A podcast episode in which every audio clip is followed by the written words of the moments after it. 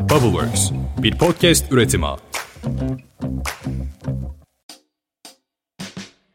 Selamlar. Kızbaşına ve Bubbleworks Media işbirliğiyle hayata geçirilen Cam Tavanın Ötesinde podcast kanalımızda dinleyicilerimizi nelerin beklediğini anlatacağımız bölümümüze hoş geldiniz. Ben Seha. Ben de Atakan. Ve bu bölümde de yanımızda Kızbaşına marka içerik yöneticisi Türkiye Ata konuğumuz. Türkiye hoş geldin. Ne habersin? Hoş buldum. Çok iyiyim. Siz nasılsınız?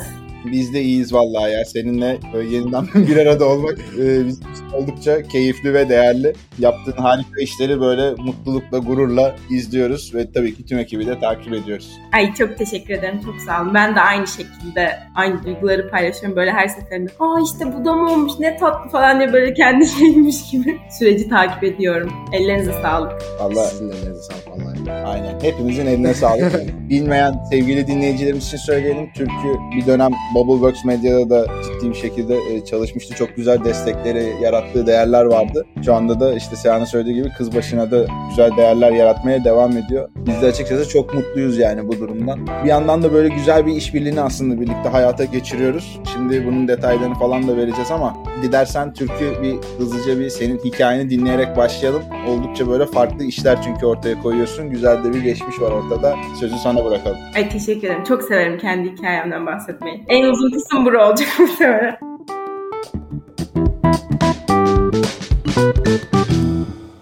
Merhaba herkese tekrardan. Ben Türkü. ODTÜ işletme mezunuyum aslında ve insanların kafasında ODTÜ işletme mezunu deyince oluşan hani bir bankada ya da bu büyük şirketler dediğimiz şirketlerin birinde junior olarak çalışacağım canlanıyor ama e, küçüklüğümden beri hiçbir zaman böyle öyle bir insan olmadım. Böyle proje çocuğuydum diyebilirim yani annemlerin beni yetiştirmesinden itibaren işte piyano olsun, spor olsun, dans vesaire falan ve böyle çok fazla farklı şeyi deneyebildim ve bunları denerken hep onların bir ortak özelliği vardı. O da benim için içerik üretmekti. Yani işte dans ediyorsam onun videosunu çekip işte anı kalsın diye onu bir yerde saklamak. İşte arkadaşlarımla bir yere gidiyorsam aynı şekilde onları böyle küçük şeylerle birleştirip video oluşturmak falan gibi. Böyle bir içerik üretme aşkım vardı ama yani çok yeni olduğu için bu mecralarda benim bile hani yetişemediğim bir şeydi aslında. Biz küçükken yoktu bunlar diyebilirim bence gönül rahatlığıyla. O yüzden de hani hiç bunu böyle bir kariyere çevirebileceğimi düşünmüyordum küçükken. Daha sonra böyle kendi kendime bir YouTube kanalı açmıştım üniversiteye geçtiğimde.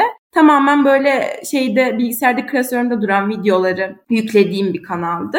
Sonra ama işte içerik üretmek yani en iyi siz bilirsiniz hep bir devamlılık gerektirdiği için orayı kapatmak zorunda. Yani kapatmadım da öyle kaldı hani hiçbir ilerlemedi. Sonrasında pandemi sırasında böyle tam evde oturuyorum. Ne yapsam ne etsem. Her bütün arkadaşlarım staja gidiyor. Böyle yok o bankada bankada şuna başladım. O şirkette şöyle bir staj yaptı falan. Ben sıfırım yani staj konusunda ve istemiyorum. Yani. Böyle derecesine MT programları var ya şu anda. Böyle 8 aşamalı. Onları geçiyorsun. Bir 12 aşamamız daha var. Evet yani hani şey mesela söylüyorlar ben ne yapacağım diye düşünüyorum ama asla kafamda ya tamam ben de bari gireyim falan yok. Çünkü hani o beyaz yaka istemiyorum yani asla. Sonrasında beni annemler küçüklükten beri hep böyle kendileri de çok aktivist insanlardır yani. Haksızlığa karşı ses çıkarmak konusunda, insanların hayatlarına dokunmak konusunda hep böyle yetiştirmişlerdir. Ve ben de hani bu altyapıdan geldiğim için kız başınayı da zaten takip ediyordum ve çok seviyordum. Annemle böyle birbirimize postlarını falan atardık.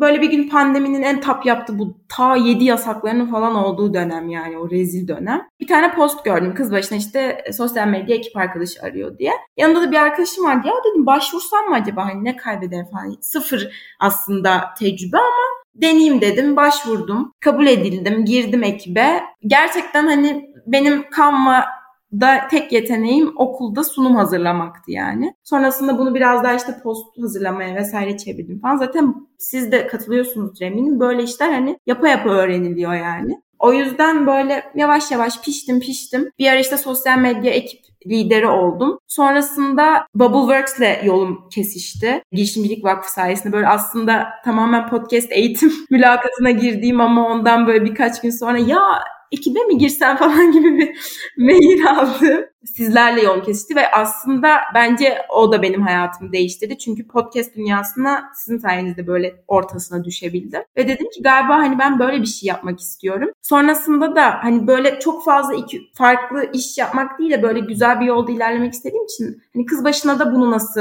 çevirebilirim diye düşündüm. Bizim hani böyle arkada kalan bir podcast'imiz vardı ayıptır söylemesi diye. Dedim ki ben bunu canlandıracağım. Ben buna odaklanmak istiyorum. Yeni medya istiyorum ben gibi. Sonra ona başladık. İşte e, Hope'la işbirliği yaparak çok güzel ilerledi. O sezon finalinde yarın yayın bu ne zaman yayınlanacak ona göre şey yayınlandı.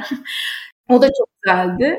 Ve işte oradan da biraz YouTube yine yeni medya sayabileceğimiz YouTube'da içerik üretmeye başladım falan derken aslında benim yeni nesil aktivizme giriş sürecim böyle başladı. Çünkü şimdi STK deyince insanların aklına sadece hani böyle bizim eski nesil STK'lar geliyor. İşte ne bileyim alışveriş merkezlerine şey kurulan, bağış toplanan falan gibi ama nesil öyle bir nesil değil artık. Yani bizim nesil artık alışveriş merkezine bile gitmiyor bence mesela. Ellerimizde telefon var ve sadece sosyal medyadayız. Aslında kız başının da yaptığı bu yani hedef kitlesi neredeyse oraya ilerlemek. Benim de sürecim böyleydi aslında.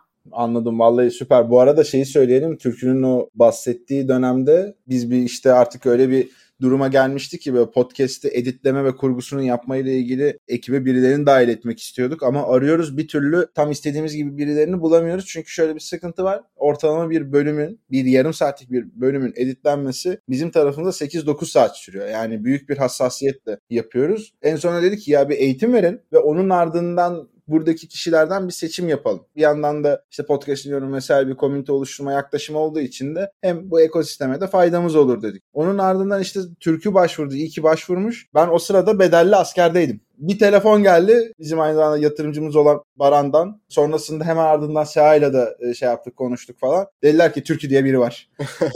Acilen bir şekilde almamız lazım. Bu arada benim LinkedIn'imde habire böyle profil görüntülenmesi var. Böyle birbirleri arasında paslaşıyorlar.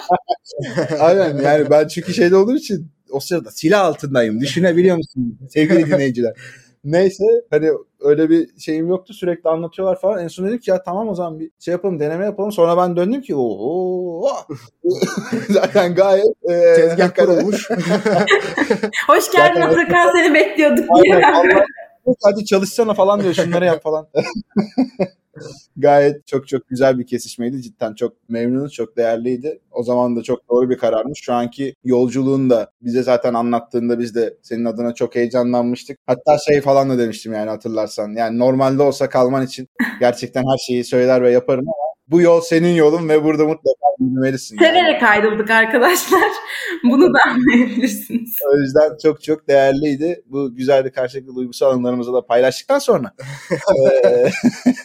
biraz daha böyle konumuzda devam edelim. Tabii ki. Şair'le burada tartıştığımız bir şey vardı, konu vardı. Bu şimdi toplumsal cinsiyet eşitliğini sağlamak amacıyla yeni nesil aktivizm çalışmaları aslında yapıyorsunuz. Burada bölüm öncesinde de konuştuk. Bazı şeyleri tam doğru söylüyor muyuz? Biz de yer yer tereddüte düşüyoruz. Gerçekten hassas ve hepimizin öğrenmeye devam etmesi gereken bir konu ama özellikle yeni nesil aktivizm ve kız başının paylaşımlarını takip edenlerin çok aşina olduğu bir konu. Bunu biraz daha açabilir misin Türkü? Tam nasıl bir vizyonu var bu işin? Amacı nedir? Nasıl çalışıyor? Gibi gibi. Ya şöyle aslında e, ilk başta o dediğin konuya geleyim. Yani hepimiz aslında bu süreci öğrenme aşamasındayız. Çünkü yeni yeni terimler geliyor. işte yeni yeni konular çıkıyor ortaya süreç geliştikçe. O yüzden aslında öğrenmeye açık olduktan sonra ya burada yanlış yapar mıyım işte şunu şey yanlış söylemeyeyim falan gibi bir kaygı bence kimsenin içinde olmamalı. Çünkü hani bunu öğrenmeye açık olduktan sonra ve doğrusunu öğrendikten sonra bunu uygulamak zaten hani bizim istediğimiz şey. Bizim de kız başına da yapmaya çalıştığımız şey bu. Bizim aslında yeni nesil aktivizm dediğimiz şey, bizim de kendimizi tanımladığımız dijital aktivist kavramını biraz bahsetmek isterim. Yani siz de çok aşinasınız. Şu an maalesef ki işte kadın cinayetlerinde herhangi bir adaletsizlik olduğunda biz bunu Twitter'dan öğreniyoruz. Twitter'dan ses çıkarıyoruz ve bu şekilde adalet yerini bulabiliyorsa buluyor. Asla eski zamanlardaki gibi mahkemeye çıkıp da tamam işte hani bu adalet yerini bulur diyebildiğimiz bir sistem maalesef yok. Bizim de aslında burada yapmaya çalıştığımız şey biz hangi kitleye hitap ediyoruz? 15 yaş ve üstü diyelim. Bu 15 yaş ve üstü neyi kullanıyor? Sosyal medyayı kullanıyor ve öğrenmeye çok açık. Gerçekten böyle gördüğü şeyi kapan bir nesil var karşımızda. O yüzden de bizim de burada yapmaya çalıştığımız şey onların olduğu mecraları kullanarak onlara gerek istatistikleri vererek gerek çarpıcı haberleri vererek onlara bir farkındalık oluşturmak amacımız aslında. Onun dışında da şöyle bir şey söyleyebilirim. Şiddete maruz bırakılan orta yaşlı bireylerin de çoğu zaten artık sosyal medyada. Amacımız köklü bir değişimse ve bizim köklü bir değişimi yapmamız için şu an yeni yetişen nesli değiştirmemiz, farkındalık oluşturmamız gerekiyorsa biz bunu yeni medyada yapabiliriz. İşte podcast mi dinliyorlar? O zaman podcast çekelim. Ne bileyim hani böyle çok ağır konulara gelemiyorlar mı? Çünkü hani Öyle maalesef. Biz de öyleyiz. Çünkü artık çok fazla kötü şeye maruz kaldığımız için ister istemez kendimizi kapatıyoruz bunu. O zaman eğlendirirken öğretelim. Atıyorum çizim yapalım, kara mizah koyalım içine, öyle öğretelim, öyle düşündürelim. Bizim aslında yapmaya çalıştığımız şey tamamen bu. Haksızlığa karşı ses çıkarıyoruz. İnsanların hayatlarına dokunmaya çalışıyoruz. Ama yapılmayanı yaparak yapmaya çalışıyoruz. Bizim yeni nesil aktivizmden kastımız aslında birazcık bu. Süper harika. Gerçekten çok da güzel bir özet oldu türkü. Şimdi kız başını da aslında bunları yapmaya çalışıyorsunuz. Zaten çok da güzel değindin. Eklemek istediğin, ileride yapacaklarınızdan, şu anki yaptıklarınızdan eklemek istediklerin varsa onları da alabiliriz. Yani şöyle aslında basically hiç anlatmadım kız başını. Onu da söyleyebilirim. Hani bilmeyenler illaki vardır. Yani bizim hep kullandığımız bir cümle var. Yani Türkiye'de toplumsal cinsiyet eşitsizliğine dayalı bütün şiddet türlerini azaltmak için çalışan bir STK'yız aslında biz. Hani tek bir cümleyle böyle bir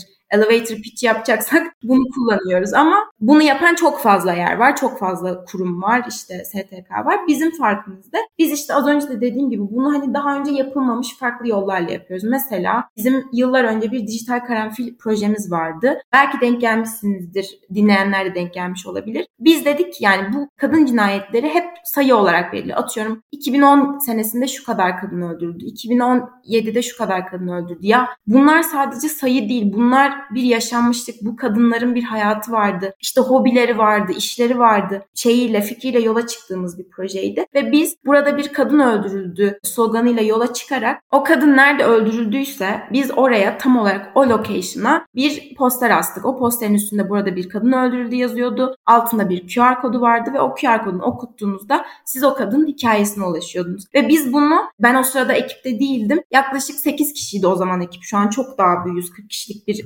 ekibimiz var. 8 kişiyken nasıl Türkiye'ye yayacağız? bir sürü gönüllü bulduk. İşte jandarmasından öğretmenine, hemşiresinden öğrencisine. Onlara biz posterleri yolladık. Onlar gönüllü oldular. Onlar kendi şehirlerindeki, kendi mahallesindeki lokasyonlara astılar bu posterleri ve çok ses getirdi. Mesela bu yapılmamış bir şeydi. Onu yaptık. Rehberler yapıyoruz. İşte insanlar öğrensin diye atölyeler yapıyoruz. Yine aynı şekilde. Şu anda da hani ileride neler yapacağımızla ilgili mesela bir UNFPA ile bir projemiz var. Yine bizi çok heyecanlandıran bir proje. Arttırılmış gerçeklikle bir simülasyon oluşturacağız. E, ve bu simülasyonda aslında biz empati duygusuna odaklanmak istiyoruz. Nasıl ki doğal olarak mesela ben sokakta yürürken korkuyorsam ve daha öncesinde başıma bir şeyler geldiyse sizin için aynı şeyi söyleyemem. Çünkü bu duyguya aşina değilsiniz. İşte sözlü tacize uğramamış olabilirsiniz. Laf atılmamış olabilirsiniz. Ama ben bunları yaşadığım için korkuyorum. Ve empati duygusu aslında insanın davranışlarını değiştiren en yüklü duygulardan biri. Biz de buna dokunmak istediğimiz için o simülasyona giren insanların bir kadın hayatı boyunca yaşadığı zorlukları yaşayacağı işte sesle, kokuyla, o duyulara odaklanacağımız bir simülasyon projemiz var. Mesela yakın zamanda o çıkacak. İnsanların gelip böyle müze gibi gezebileceği. O bizi çok heyecanlandırıyor. Onun dışında benim kendi bir projem var. Bu Ayıptı Söylemesi podcastinden çok güzel geri dönüşler aldığımız için bunu biraz daha genişletip YouTube'a taşıyıp böyle hani mini talk show gibi bir planımız var. Onu hayata geçireceğiz gibi gibi. Bu arada yani aklıma gelmeyen bir sürü proje var. Böyle çok harıl harıl çalışıyoruz. Çünkü maalesef ihtiyacımız var. Keşke ihtiyacımız olmasa. Türkiye'de bunları yapmaya. O şekilde yani güzel bir dönem var önümüzde. Umarım birilerinin hayatına dokunur. Vallahi kesinlikle dokunuyor ve dokunmaya da devam edecek yaptığınız bu çalışmalar. Yani bunun etkisi çok aşikar. Burada birkaç tane şey söylemek istiyorum hemen akışa devam etmeden önce. Bir kere girişimcilik ekosisteminin biliyorsun yoğun bir şekilde içindeyiz ve arttırılmış gerçeklikle ilgili girişimleri çok fazla dinliyoruz, yer yer mentorluk veriyoruz vesaire vesaire. Bunların içerisinde şu ana kadar hep konuşulan bir konu var. Deniliyor ki ya bu arttırılmış gerçeklik işi, metaverse vesaireler de hani geliyor ama bir türlü toplumsal gündemin içerisinde yer kazanacak ve değer yaratacak boyutta bir yapıya ulaşamadı çok have konumlanıyor. Yatırımcıları, ne bileyim ben onları dinleyenleri falan biraz daha böyle tetiklemek için bak ben havalı bir şeyler yapıyorum. Fancy bir ortam oluşturuyorum göstermek amacıyla kullanılıyor. Tıbbi tarafta yapılanları hariç tutuyorum. Oradaki girişimci dostlar lütfen alınmasınlar bu şeyden. İlk defa ki bununla ilgili gerçekten çok fazla şey dinliyorum. Bu kadar anlamlı olan bir kullanım versiyonuna denk geliyorum. Yani çok büyük bir değer yaratacak olduğundan bunun eminim. O yüzden gerçekten elinize sağlık. Çok çok değerli. Değer önerisi bir hayli yüksek. Heyecanlandım. Oradan da çıkamıyorum bir türlü. Bunu ayrıca görüşelim derim yani.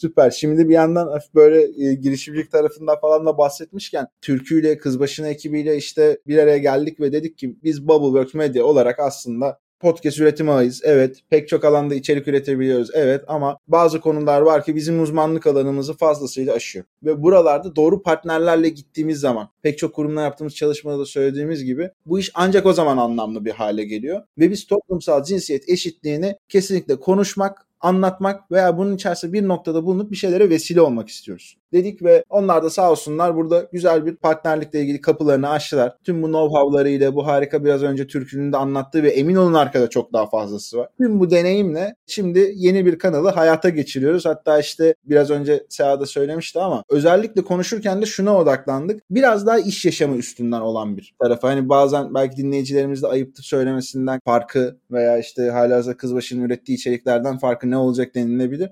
Orada ufak bir iş yaşamında bu yaklaşımları konumlandırma ile ilgili bir konu var. Hatta orada da şeyi sormak istiyorum. Yavaş yavaş böyle kanalın içerisinde neler olacağına da geçelim. Bu kanala ismini de kaynak olarak veren aslında cam tavan diye bir kavramımız var. Bir süreden beri iş hayatının içinde olan kişiler bunu duymuş veya deneyimlemiş olabilir ama Türk'ü bir açıklayabilir misin? Biraz onun ardından birkaç sorum daha olacak sana tabii ki. Cam tavan aslında böyle yıllardır herkesin ağzında olan bir kavram ama belki de hani bazıları bilmiyordur. Ben de tekrarlamış olayım. Cam tavan aslında böyle belirli bireylerin bir şirkette ya da bir kurumda yönetim ve yönetici pozisyonu terfi etmesini engelleyen görünmez bir engeli ifade ediyor. Oradan geliyor aslında cam tavandaki şeyde. Bu genelde işte erkek egemen bir kurumsal hiyerarşide daha yüksek rollere geçmeye çalışan bireyler için. Çoğunlukla kadınların ve azınlıkların karşılaştığı zorlukları tanımlamak için kullanılıyor. Ve aslında bu engeller çoğunlukla demeyeyim hatta hiçbir zaman yani yazılı olmuyor.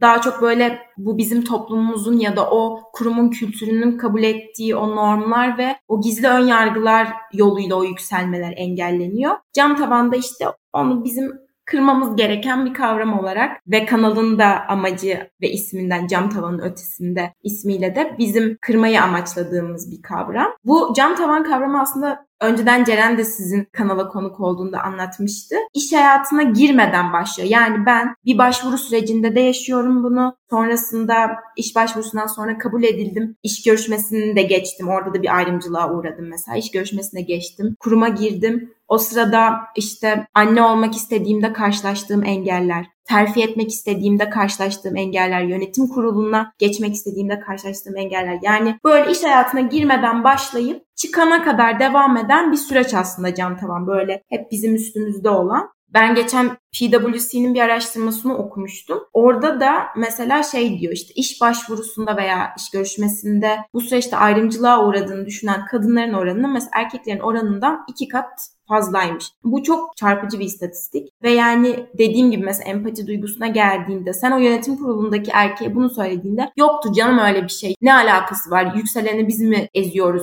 gibi bir tavırla karşılaşabiliyor insanlar ama aslında gerçekten öyle. Belki sözel olarak bilerek yaptığı bir şey olmuyor ama işte dediğim gibi annelik izni, babalık izni bu gibi kurallarla o cam tavan iyice böyle o bireyi eziyor ve yükselmesini engelliyor. Kesinlikle. Bu aslında işe hani girmeden öncesinde başlıyor demiştin ya. O zaman şeyde Ceren de söylemişti. Sabancı Holding'le yürüttüğümüz X-Step podcast kanalına konuk almıştık kendisini. Pek çok kadının ya ben bu pozisyona kabul edilmem veya buradaki yeterlikleri henüz karşılamıyorum diye başvurmuyor gibi bir refleksi varken erkekler pat diye başvuruyor ve bir şekilde alınıyorlar. Dolayısıyla örnek veriyorum işte bir junior'dan uzman pozisyonuna geçiş var. Orada kadınlar biraz daha o toplumsal baskıdan gelen bir yaklaşımla veya işte başka bir yaklaşımda olabilir buradaki altyapı bilemiyorum. Başvurmayıp seçilmiyorken işte erkekler başvurup seçilince zaten oradan başlayan bir olayın böyle bir adaletsiz başlangıcı ortaya çıkmış oluyor gibi bir güzel paylaşımı olmuştu. Sen şimdi söyleyince onu hatırlattı bana da. Bir yandan da şeyi soracağım. Burada aslında bunun hani iş hayatıyla toplumdaki durumlar oldukça benzer. Yani bu çok aşikar. İş hayatında şöyle farklılık gösteriyor. Toplum içinde böyle ayrışıyor gibi belki çok küçük noktalar vardır ama siz pek çok kurumla da yan yana geliyorsunuz. Burada iş hayatı tarafında ülkemizde de olabilir bu arada dünyada da bu konuları böyle gözlemlediğinde pek çok eksiklik var eminim. Bunları kanalda da konuşuruz ama çok böyle kısaca şunların altını çizmek istiyorum dediğin veya işte bazı kurumlar bu toplumsal cinsiyet eşitliğini sağlamak için şöyle güzel atılımlarda bulunuyor gibi biraz bize o evreni anlatabilecek olduğun şeyler varsa alabilirsek süper olur. Yani bizim aslında bu konularda ilk başta söylediğimiz şey hep eşit ücret oluyor. TÜİK verilerine göre mesela bir kadın bir erkek eşit eğitim seviyesine sahip. Ama her zaman erkek çalışanlar arasında erkeklerin lehine bir ücret farklılığı bulunduğunu hep yani TÜİK her sene bu araştırmayı yapıyor. Her sene bu çıkıyor. Biraz azalıyor şu an. Bu umut verici yani ama ben de yönetici pozisyondayım atıyorum. Sen de yönetici pozisyondasın. Sen daha fazla maaş alıyorsun. Belki benim tecrübem daha fazla olsun, eğitim şeyim daha fazla olsun. Fark etmiyor. Yani mesela bana açıkçası hani saçma geliyor bu. Çünkü benim cinsiyetim yüzünden ben neden emeğimin karşılığı olan bir ücreti alamıyorum? En başta bizim hep gözlemlediğimiz ve kırılması gerektiğini söylediğimiz şey bu. Yani eşit ücret hakkı yani herkesin. Hani böyle bir şey kabul edilemez. Onun dışında az önce de söylediğim gibi mesela annelik izni eşittir babalık izni. Yani Bizim ülkemizde yavaş yavaş kurumlar başladı babalık iznine de. Onun dışında işte şu an aklıma geliyor mesela regl. Gerçi biraz kısa galiba. Geçen gün bir arkadaşımın çocuğu oldu. Bir hafta gibi bir şey verdiler. Ya sana. işte evet göstermelik zaten şu an. Hani o tamamen şey işte Instagram'da post çıkayım, LinkedIn'de post çıkayım. Bakın ben böyle bir kurumum ve işte babalık izni şey yapıyorum. Aa ne güzel. Çünkü insanlar da bizim de time span'imiz çok düştüğü için hiç dibine girmiyoruz o haberin. Ha babalık izni vermiş okey çok iyi gibi kalıyor bizim aklımızda. Ya şey gibi oldu değil mi Türkü? Böyle birileri ufak da olsa bir şey yapınca ya bravo ufak işe kocaman alkış gibi. Evet. Var yani. Yapması gerekeni alkışlıyoruz şu an biz yani. Tam olarak öyle dediğin gibi. Ve onun dışında mesela regl izni. Bazen böyle çok biz de işte post çıktığımızda doğal olarak böyle counter yorumlar geliyor yani postlara. İşte bir karnınız ağrıyor diye izin mi istiyorsunuz? İşte bizim de başımız ağrıyor falan gibi böyle hani ya bu mu gerçekten? Hani ben mesela 3 gün izin alınca ne oluyor falan gibi böyle düşünceler oluyor hep. Ya bunları kırmamız gerekiyor. Çünkü aslında bizim bu kanalı açmamızın amaçlarından biri de o. Hani bir kurum örnek olursa diğeri de kendini yapmadığı için suçlu hissedecek. Yani basit olarak bu şekilde. Çünkü yani Türkiye gerçekten kadının çalışma hayatındaki temsil oranı olarak çok düşük bir seviyede. Böyle tam şeyi hatırlamıyorum veriyi de böyle 140 ülke arasında 130. muyuz öyle bir şeyiz yani hani çok utanç verici. Ben gerçekten bizim iş hayatındaki potansiyelimize, yeni neslin potansiyeline çok inanıyorum. Ama bu gibi veriler bizim neslin farkındalığı da arttıkça bu iş hayatından insanları soğutuyor yani doğru konuşmak gerekirse. Yani neler yapılabilir? Hani hep suçluyoruz ne gibi adımlar atılabilir derseniz de yani mesela senin de az önce Ceren'in verdiği örnekten gidersek bir rol model yok. Mesela bir küçük kız çocuğunu düşündüğünde ben büyüdüğümde X şirketinin başına geçeceğim düşüncesini kafasına koyması için öncesinde böyle bir örnek görmesi gerekiyor. İnsanlar bu şekilde hayal kuruyor. Tamamen random hiç görmediği bir şeyin hayalini kuramaz. İleride hani kendilerini üst düzey yönetici olarak görmeyen kadınlar daha çok kurumların politikalarını ve böyle kariyer olanaklarını sebep olarak ilk sıraya koyuyor. O zaman cevap yani çok basit kurumların politikalarını ve olanaklarını revize etmesi gerekiyor bu isteklere göre. Onun dışında az önce dediğim gibi yani üst düzey yöneticilerin Türkiye'de sadece %18'i kadın. Mesela yarı yarıya olabilir bu. Neden olmasın? Potansiyel var, yapmak isteyenler var. Rol model olması gerekiyor kadınların burada ve buna önünün açılması gerekiyor. O cam tavanın kırılması gerekiyor. Onun dışında anne olan kadınların da iş gücü piyasasına girebilmesi için daha çok olanak gerekiyor. Çünkü maalesef ki olanak olmayınca yavaş yavaş o kadın o iş hayatından siliniyor ve bir daha geri dönmesi çok zor oluyor. O hayatın düzenini değiştirmesi. Bu gibi değişikliklerin yapılması gerekiyor kurumlarda. Valla umuyorum ki cam tavanın ötesinde podcast kanalı ile dediğin gibi bu camların kırılması için İnşallah. bir tuğla da biz koyuyor veya bir sağlam bir böyle vuruş da biz yapıyor olacağız oraya. Kesinlikle. Gerçekten konuşulacak konunun ne kadar çok olduğunu böyle sen söylerken aklımda ardı ardına geldi yani birkaçını da not da aldım hatta ve işte burada bizlerle olacak olan çeşitli kurumlar da var sürecin içerisinde. E, bu arada evet yani çok özür dilerim lafını kestim. Hep böyle kötü örneklerden gittik ama Türkiye'de gerçekten buna öncü olan çok fazla kurum var. İşte projeleri var, ne bileyim yeni getirdiği kurallar, işte revizeler politikalarında falan tabii ki var. Bunları da kanalda ayrıntılı olarak zaten konuşuyor olacağız. Tabii tabii kesinlikle. Yani şeyin sözünü verebiliriz sanıyorum değil mi Türkiye? Bütün şeffaflığıyla Kesinlikle. E, artısıyla, eksisiyle, acısıyla, tatlısıyla falan böyle net bir şekilde dürüstçe hatta işte biraz önce konusunun geçtiği gibi belki bizim de öğrendiğimiz bir ortamla bu sohbetleri yürütüyor olacağız. Kesinlikle. Süper. Ya Türkiye gerçekten şey kısmı da çok iyiydi bence. Burada şey örneğini vermiştin işte bazı yöneticiler diyor ki işte yok bizde öyle bir şey yoktur. Herkes eşittir gibi tepkilerde bulunabiliyor olabilir. Ama bunu bir kenara koyduğumuzda bunu gerçekten fark eden ve gerçek anlamda bir cinsiyet eşitliğini sağlamaya çalışan kurumların day one yapması gereken adımlar, atması gereken adımlar sence ne olabilir? Az önce de dediğim gibi böyle aslında küçük küçük adımlarla başlayabilirler. Yani işte babalık izni, regl izni, işte mesela zorunluluk getirebilir yani. Yönetim kurulunda %50 %50 cinsiyet eşitliği olacak diyebilir mesela. Bu bir kural. Böyle olmak zorunda. Bu olduktan sonra o kadınların yükselmemesi mümkün değil. Çünkü zaten potansiyelleri var. Sadece engelleniyorlar. Böyle küçük küçük revizelerle önünü açarlarsa zaten o gelişmeyi gördükten sonra hani zaten pişman olmayacaklar. Çünkü yapılan araştırmalar var yani kadınların yönetici pozisyonundayken başarı getirdiğine dair daha fazla başarı getirdiğine dair hatta. Çünkü biz yaratılış gereği farklı bakabiliyoruz olaylara ve bu farklı bakışların aslında bir şirketi yükselttiğini söyleyebiliriz. O zaman neden biz yarı yarıya o masaya koymuyoruz insanları? Evet kesinlikle. Bazen de aslında şu hani şeyi söyledin ya küçük küçük adımlar atma meselesi o kadar önemli bir şey ki. İlla böyle çok büyük adımlar atacağız diye özellikle büyük ölçekli kurumsal firmalarda, topluluk firmalarında, grup şirketlerde, aile firmalarında falan çok görülen bir şey bu. Büyük bir karar alınmaya çalışılıyor. 6 ay boyunca toplantılar yapılıyor falan. Ya yapsan abi. bir dene bir ufak bir yani illa böyle köklü bir acayip bir değişimle gitmek zorunda değilsin. Tabii ki hedefin o olmalı. E, ama bir yerden de başlaman lazım. Yani neyin nasıl çalışıp çalışmadığını görmen lazım. Merdivenin en tepesine zıplayamazsın bir anda yani. Aynen öyle. Süper. Bunları da ayrıntılı konuşacağız. Bu arada bu bölümü yavaş yavaş sonuna doğru da gelmiş durumdayız. Bazı şeyleri de sohbetin içerisinde konuştuk Türk'ü zaten. Ama ben hani çok kısaca bir üstünden geçeceğim. Senin bunlarla ilgili eklemen varsa lütfen alalım onları. Bu toplumsal cinsiyet eşitliği neden podcast gibi böyle yeni medya mecralarında konuşuluyor? Bunun ne gibi bir değeri var? Sizin ve bizim buradaki motivasyonumuz nedir gibi konuları aslında merak ediyorduk. Bu soru akışımızda vardı ama zaten değindiğimizi düşünüyorum bir yandan da dinleyicilerimizi neler bekliyordan da bahsedecektik ama ona da değindik gibi oldu. Biraz böyle doğal bir şeyimiz olduğu için açıkçası Türkiye'yle onun ciddi bir şekilde etkisini yaşadık diye söylüyorum. Yani normal o sohbet akışında geldi. Ama senin genel olarak hem bu kanalla ilgili hem bu bahsettiğimiz işte biraz önceki yeni medya mecrasında bu konuların konuşulmasıyla ilgili vesaire vesaire eklemek istediğin şeyler varsa onları alırsak ve o şekilde kapatırsak çok seviniriz Türk'ü. Tabii ki. Dediğin gibi aslında bahsettim aralarda ama hani asıl toplanma amacımız o hani bu kanalda Cam Tavan Ötesinde kanalında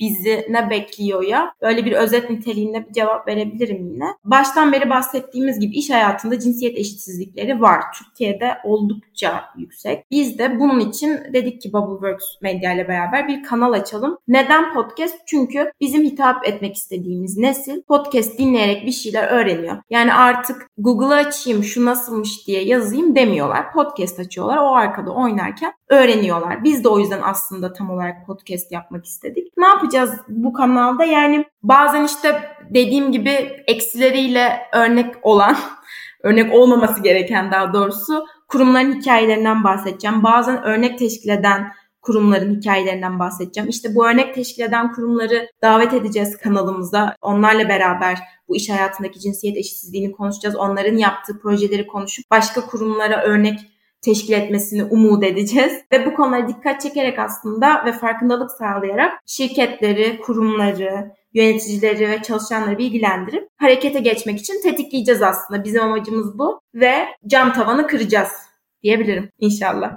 Kesinlikle süper. Türkü teşekkür ederiz. Bu yolculukta kız başına ile beraber yürümekten biz inanılmaz keyif alıyoruz. Tekrar teşekkür ederiz bu güzel işbirliği için. Ve Bubbleworks medya yapımı olacak olması bizi cidden çok heyecanlandırıyor. Biz de elimizden geldiğince işin hem teknik tarafı hem edit tarafı eğer bir katkımızın olabilecek olduğu her noktada zaten sen de biliyorsun. O emeği ortaya koyacak olmaktan dolayı inanılmaz mutlu ve heyecanlıyız. Çok teşekkür ediyoruz. Tüm dinleyicilerimize de kanalı takibi almalarını öneriyoruz. Burada geri bildirimlerinize, yorumlarınıza her zaman olduğu gibi son derece açığız. Bu gerçekten bir topluluk işi. Türk'ünün biraz önce söylediği gibi işte oradaki o gönüllü insanların yarattığı etkiyi duyduk hep beraber. Burada da o etkiyi yaratırsak ancak beraber yaratabiliriz diye düşünüyoruz. Buna yürekten inanıyoruz. O yüzden sizlerin katkıları, yorumları, değerlendirmeleri çok çok değerli arkadaşlar. Türkü sana ve kız başına ekibine de tekrar çok teşekkür ediyoruz. Bugüne kadar yaptığınız harika işler için. Bundan sonrası için de yine heyecanla takipteyiz. Biz de bir parçası olmaktan çok çok mutluyuz. Ben çok teşekkür ederim gerçekten. Biz de çok heyecanlıyız. Bu alanda e, bir şeyler yapmak istiyorduk böyle kalıcı ve farkındalık yaratma amacında olan. O yüzden biz de çok teşekkür ederiz. Dinleyicilere de teşekkür ediyorum. Kanalı bence takibe alın. Gerçekten sizin de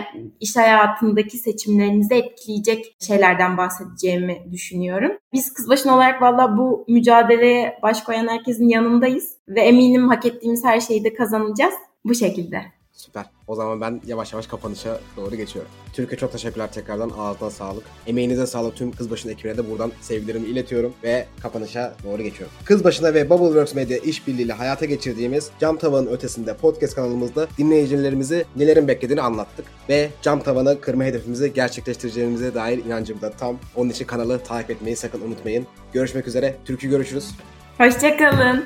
Görüşmek üzere. Güle güle.